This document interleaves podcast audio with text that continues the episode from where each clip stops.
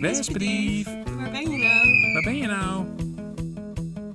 Maar goed, ze weten zich heel goed eh, in dat bos te verstoppen. Die nesten zitten ook goed verstopt. Er lagen in één keer eh, een aantal pennen van de arm onder het nest. Eh, een vijftal. We hebben gedacht toen, ja, een havik heeft daar gegrepen. Welkom bij de podcast Vogelverhalen. Marwa Kavelaars en Marcel Wortel nemen je mee op een duikvlucht in de database van Sovon Vogelonderzoek. Daar zijn we dan. Vanuit het stoffige archief van het Sovon hoofdkwartier in Nijmegen presenteer ik jou, de luisteraar, onze eerste aflevering Vogelverhalen. Mijn naam is Marwa. En mijn naam is Marcel en we werken dus allebei bij Sovon Vogelonderzoek in Nijmegen. Maar dat betekent niet dat wij alles over vogels weten. We hebben dan allebei wel een verrekijker en we kunnen het een en ander van elkaar onderscheiden buiten. Maar het kan geen kwaad om onze kennis nog wat bij te spijkeren. Nee, wat kun jij onderscheiden?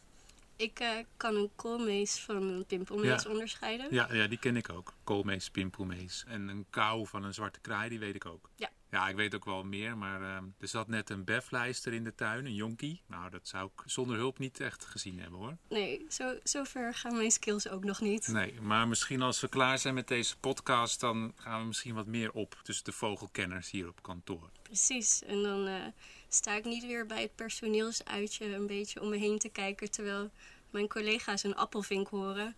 En ik eh, in de verste verte gewoon geen enkel geluid heb gehoord. Nee, nee een appel kan ik dan wel herkennen hoor. Die wel. Dat wel. Ja, maar die maakt geen geluid.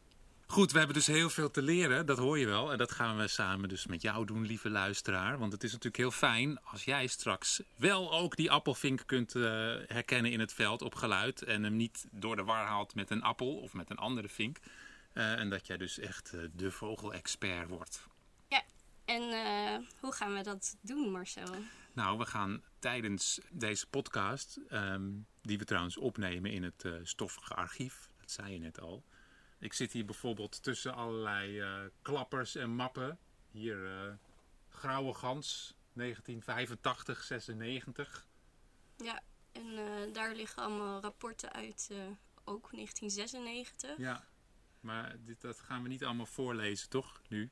Nee, zeker niet. Nee. Ik, ik doe deze podcast omdat ik graag naar buiten ga. Ja, precies. En we zitten hier in dit archief. Nou ja, toevallig omdat dit de ruimte is op het kantoor waar het geluid gewoon het beste is. En Ja. dat is natuurlijk waar het allemaal om gaat met een podcast, dat het geluid goed is. Maar we moeten vooral naar buiten inderdaad. Want daar gebeurt het. Maar daarnaast gaan we ook met experts praten. En op die manier willen we je ook wat eh, kennis geven over eh, wat een bedreigde soort bijvoorbeeld nodig heeft om de populatie in stand te houden. Of andere feitjes over vogels die altijd al wilde weten. Ja, precies. Vogelverhalen. Want eh, het is, denk dat het wel een tijd wordt voor eh, een goed verhaal.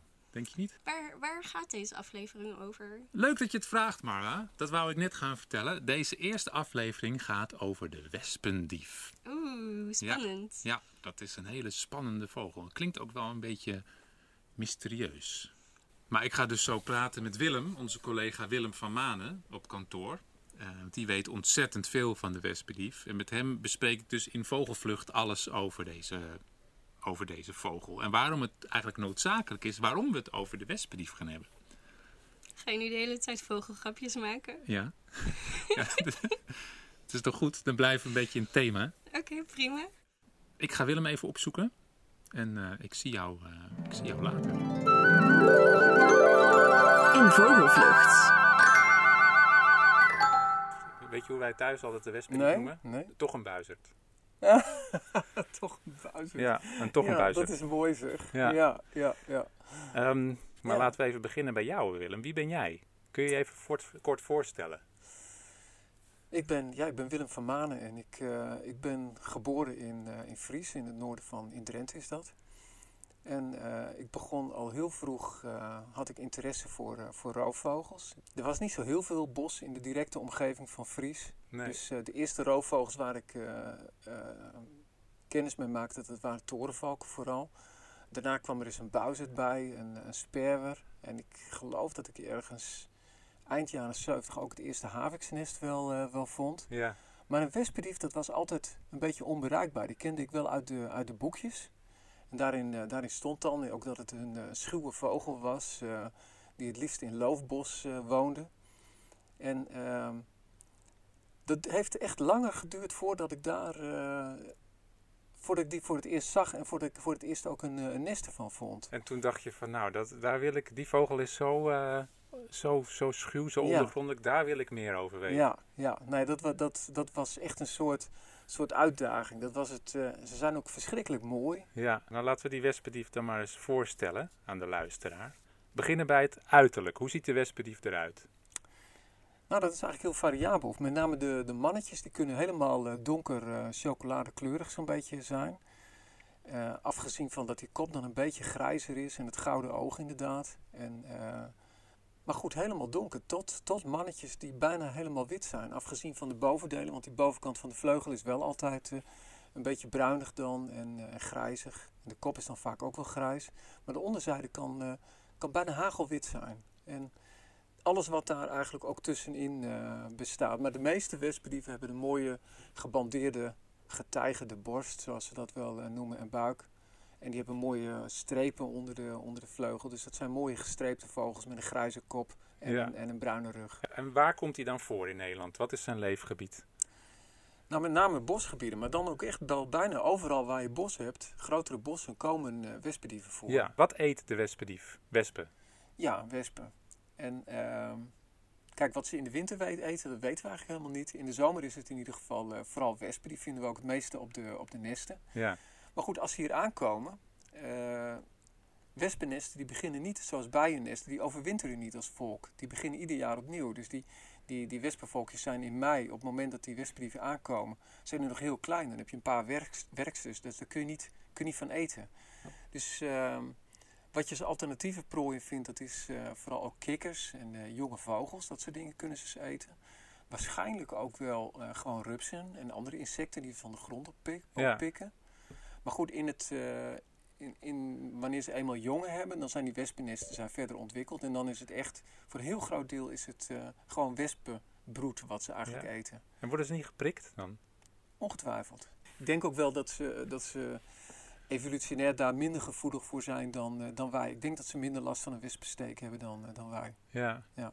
Misschien zijn wespen wel heel erg lekker.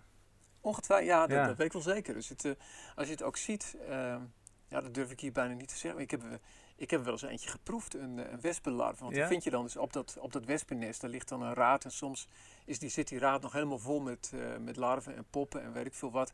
Dus ik heb het wel eens, eh, wel eens geprobeerd, zo'n eh, zo'n wespenlarve. En er zit echt een hele romige smaak zit er als het ware aan. En alleen dat, dat kopje, dat is, dat is hard als een soort pitje in een bes. Ja, Maar het is, het is eigenlijk super lekker. het is eigenlijk is het heel goed te eten. Ja. Ja, ja, ja. Hey, en we hadden het erover in het begin dat die wespendief is een beetje een stiekeme vogel. En wa- waarom is die zo stiekem? Hebben de mannetjes het niet nodig, bijvoorbeeld om, eh, om vrouwtjes aan te trekken, dat ze zich op een gegeven moment echt manifesteren? Dat, dat doen ze wel in enige mate, maar eh, je moet je wel voorstellen, ze komen hier aan, gaan naar de nestplaats toe, beginnen dat nest eh, op te bouwen.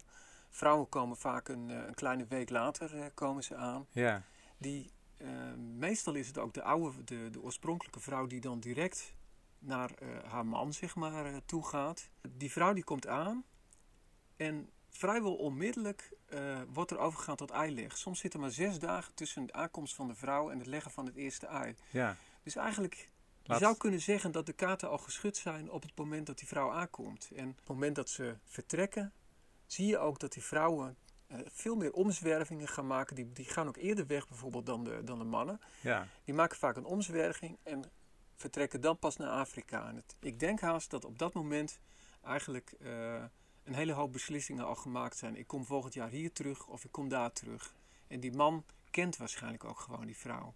Maar, maar je zegt wel van ja, leggen eieren en zo. Maar ja, je kunt die, die wespendief helemaal niet zo makkelijk zien vanaf de grond. Dus hoe, hoe doe jij nou onderzoek aan wespendieven? Ja, dit, normaal gesproken toen, toen, toen, toen ik ermee begon, toen ging ik gewoon in een... eh, ik, ik, ik wist dat het moeilijk was om wespendief waar te nemen, want ze zitten in het bos. En als ze niet in het bos zitten, zitten ze boven het bos. Dus, eh, en daar heb je maar beperkt zicht, want je, je loopt dan zelf of in het bos of aan de rand van het bos op grote afstand. Ja, Dus dat is allemaal een beetje lastig. Dus toen bedacht ik van, eh, wat nou als ik boven in een boom ga zitten? Als ik, eh, ik, ik zoek een hele hoge boom op en ik, eh, ik kijk of ik daar op een normale manier in kan zitten. En vervolgens ga ik kijken of ik ook wespendieven zie. Nou, dat bleek ontzettend goed te werken. Dus eh, Dus jij gaat altijd in, boven in bomen zitten? ik ga bijna altijd boven in bomen zitten, ja. ja, ja. Best wel vaak wespendieven die ook in boomtoppen zitten. En eh, nou, dan kijken we elkaar aan, zou je kunnen zeggen, over een afstandje. Ja, Ja. ja. en dan voel je een soort eh, verwantschap misschien wel bijna. Wat, wat heb jij voor adviezen voor de mensen thuis als zij wespendieven willen zien? Nou, ga inderdaad ge- gewoon op een, eh, ehm, op een mooie julidag, mag ook begin augustus zijn. Ga ergens op een, eh, grote open plek eh, zitten in een bos waar je, waar je veel uitzicht hebt over dat bos heen. En wacht gewoon tot je roofvogels boven de, het bos ziet uitkomen. En daar zitten bijna geheid wespendieven tussen.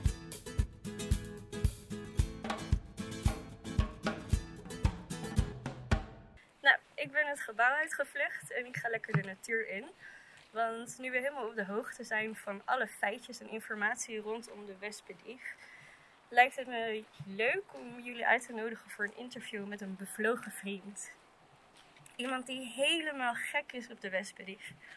Ik heb me laten vertellen dat Jan Brinkgeven zich bevindt in Friesland. Dus eh, laten we eens even kijken of we hem vandaag achter zijn verrekijker kunnen wegtrekken voor een leuk gesprek. Bevlogen vriend. De luisteraar even vertellen waar we zijn? We zijn eh, op dit moment in Zuidoost-Friesland. Als ik nu zeg maar om me heen kijk, eh, het gebied zeg maar, waar we nu staan, hoe dat eruit ziet, dan zou ik het ook willen omschrijven als eh, deels heidegebied. Met grove den en zomereik en ook veel moerasplassen, zeg maar. Dus kleine vennetjes, waar veel amfibieën zitten, kikkers. En, dus voor de, voor, voor de randen langs deze bossen, zeg maar, is een ideaal eh, plek voor eh, wespen die dus daar een nest kunnen maken. Dus eh, ja, die wespendief, is natuurlijk niet van Lotje, die weet precies wat voor hem geschikt is. En ik vind het dan ook eigenlijk uitermate geschikt waar we nu staan, want je ziet en vennetjes hier, je hebt dus heide en je hebt hier voldoende nestgelegenheid aan grove den. En eh zomerrijk, sparren en, en, en Douglas, dat is, eh, daar zit je wel graag in. Is er iets dat je de afgelopen jaren al hebt ontdekt over de wespendief? Nou, ik, ik heb een, even, ja, een leuk voorbeeld. Eigenlijk vorig jaar hadden we een broedgeval aan de weg waar we net langs gereden zijn. Eh, daar gebeurde eind mei gebeurde heel iets vreemds. Daar lagen in één keer eh, een aantal pennen van de arm onder het nest. Eh, een vijftal. We hebben gedacht toen, ja, een havik heeft daar gegrepen. Want dat is een van de belangrijkste vijanden, boommatten en havik. We vonden die veren en we hadden toen gedacht dat ze gepredeerd was. Maar dat was dus niet zo. Ehm, ze hadden een hele hap uit een vleugel. Eh, later ruiden ze ook nog handpennen. Dus, dus nou, ze had nog maar een beetje over aan die ene kant, aan de rechterkant. Maar daardoor was ze dus super herkenbaar op grote afstand. En dan gebeurt heel iets vreemds. Eh, ik kom in een ander gebied, niet zo ver van dat nest eh, vandaan. Kom, ga ik posten. Wie vliegt er bij me langs? Het vrouwtje van het nest. Eh, dat was eh, eh, 6 juni. 10 juni was ik in een heel ander gebied, zeg maar een, een kilometer of twintig hier vandaan. Wie zit daar in een boom, wist ik niet. Maar er komt een wespendief man recht op me aanvliegen, vliegt over me heen, gaat naar een bosrand. Daar vliegt het vrouwtje van het nest op, met die hap uit de vleugels. Ik denk, wat doet zij daar? Nou goed, ze ging weg. Drie dagen na was ik daar weer aan het posten. Komt ze met een man, een vreemde man, cirkelend over heen, vlak over me heen. Weer die hap uit de vleugels zo. En ze cirkelde zo hoog op eh, dat na een tijdje een tweede man erbij kwam en toen nog een derde man. Dus het, ze draaide daar met drie mannen. Verdween toen helemaal in het grote bosgebied daarachter. Dat is dan weer 15 kilometer verderop. Verdwijnt ze gewoon. Terwijl haar man, zeg maar, 30 kilometer verderop gewoon op het nest zit. gewoon netjes te wachten. Maar mijn vrouw die zit te vlieren fluiten met allerlei mannen. Waarom? Ja, ik weet het niet. Ja, Men- was eh, misschien niet tevreden. Ja. Of is dat eh, menselijk gedacht misschien? Maar eh, nou, dat- dat is dus een voorbeeld van. Hè? Maar waarom doet zo'n vogel dat? Nou, we weten het gewoon niet. Hè, maar dat ze dus een interactie heeft met andere mannen op een hele grote afstand van haar nest. Ja, dat had ik niet verwacht zo even. Maar je hebt me dus nu al helemaal enthousiast gemaakt over die wespendief. Ik, eh, ik wil hem nu ook wel echt heel erg graag zien. Nou, maar ik moet je een beetje teleurstellen, want eh, eigenlijk is de tijd nu ook al een beetje voorbij. Eh, we hebben nu al even een tijdje gestaan, maar eigenlijk had hij zich, als die er nog is, zich moeten laten zien. Dat is dus niet gebeurd. Dus ik denk dat als je hem nog een keer wil zien live, dat je gewoon in mei, juni terug moet komen. En dan neem ik je graag een keer mee naar de hotspots wat het posten betreft. Nou, dan, dan moet het eraan gaan dat je geen wespedief te zien krijgt. Oké, nou dat, dat aanbod eh, neem ik graag aan.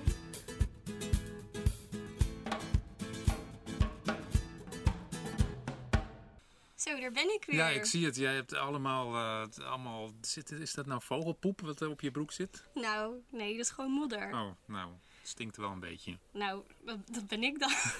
Want die wespendief heb ik helaas niet gezien. Nee, Maar door Jans enthousiasme heb ik wel eh, heel erg veel zin om eh, in het voorjaar op pad te gaan. En hem hopelijk dan wel te herkennen. ja. Ja, nou, ik ben, ik ben ook wel enthousiast hoor. Ik denk dat ik ook wel met de verrekijker in de bosjes ga liggen. Nou, ben je toch een grappenmaker? Ja, ik ben mij er eentje. Maar naast dat ik heel grappig ben, heb ik ook nog een heel mooi verhaal om deze aflevering mee af te sluiten. Oh, Een verhaal over een specifieke wespendief genaamd Wit B. oh, dat klinkt wel spannend. Alsof we het over een of andere beruchte crimineel gaan hebben. Het blijft een wespendief natuurlijk. Ehm, ik heb het verhaal uit een artikel van Trouw, waarin onze expert Willem van Manen veel aan het woord komt en onze enthousiasteling Jan Brinkgreven de woorden ondersteunt met indrukwekkend beeldmateriaal. Oh, wat toevallig. Nou, hou me niet langer in spanning. Vertel me meer. Er was eens een vogel. En niet zomaar een vogel, het was wespendief vrouwtje Wit B. Vijf jaar geleden werd zij gerinkt en kreeg ze een lichtgewicht zendertje. Roofvogelaar René Riemvis hoopte op deze manier waardevolle informatie te verzamelen over elke beweging die ze maakte. Onze vogelvriend Willem van Manen assisteerde hem hierbij. Het leek een waterdichte missie. Door een zender op een vogel te bevestigen kunnen onderzoekers de locatie van het beest elk kwartier uitlezen. Deze data wordt opgeslagen in een zogeheten logger. Om deze informatie te bemachtigen en uit te lezen moeten ze wel een beetje in de buurt van de vogel blijven met een ontvanger. Bij de wespendief ben je dan aan het juiste adres. Ze keren namelijk vaak terug naar de plek waar ze hebben gebroed. Echter, dit was bij wit B niet het geval. Ze keerden niet meer terug. Vier jaar lang dachten René en Willem dat ze voorgoed was gevlogen. Tot René een foto van haar voorbij zag komen. Een vogelaar had haar vastgelegd en tot zijn grote blijdschap herkende René haar. Met andere onderzoekers zette hij de zoektocht in naar het nest, wat nog best moeilijk te vinden was. Maar uiteindelijk vonden ze haar, hoog in een dennenboom. En laat die boom nou net in het onderzoeksterrein van onze Willem staan. De onderzoekers waren in extase, want de zender werkte nog naar behoren en ze konden alle gegevens van de afgelopen jaren uitlezen. Zo kwamen ze erachter dat wit B elk jaar overwinterde in precies hetzelfde stukje regenwoud in Afrika. Vanuit daar maakten ze wonderbaarlijke uitstapjes van wel 237 kilometer recht naar het zuiden. Dit deed ze in 2017, 2019 en in 2020. Keer op keer kwam ze daar aan op 3 januari. Heel wonderlijk. Uiteindelijk bleek dat Willem haar nest wel ieder jaar heeft gevonden, maar haar niet heeft herkend aan die ring. Gelukkig is ze nu terecht en kunnen de onderzoekers hun geluk niet op met alle data. Wit B is weer terecht en iedereen kan weer rustig slapen. Wauw, wat een verhaal. Ik vind het zo interessant hoe vogels altijd dezelfde plek weten terug te vinden. Ja, en dan ook nog op dezelfde dag aankomen. Ik snap echt niet hoe ze dat doen. Nee, Het is echt een leuke manier om deze aflevering af te sluiten. ja, echt wel. Maar voordat we afsluiten wil ik nog even een kort dankwoord zeggen. Want zonder onze journalistiek stagiaire Perle Fleskens was deze podcast er niet geweest. En samen met ons zoekt ze naar de nieuwste interessante vogelsoorten, doet het redactiewerk en maakt er uiteindelijk ook nog iets prettigs van om naar te luisteren in de montage. Een enorme hulp tijdens onze weg naar meer kennis. Ja, en we willen natuurlijk ook Willem en Jan bedanken voor hun bijdrage. Daar sluit ik me helemaal bij aan. en dit lijkt me ook een goed moment om dit verhaal af te sluiten. De volgende aflevering, ik bedoel natuurlijk de volgende aflevering, gaan we jou en onszelf weer lekker onderdompelen in een nieuwe soort. Ik heb er zin in. Ja, ik ook. Doei! Doei! Nog niet uitgevogeld? Voor meer informatie over de onderzoeken van Sovon Vogelonderzoek Nederland bezoek je de website www.sovon.nl. Daar vind je ook hoe je vrijwilliger kunt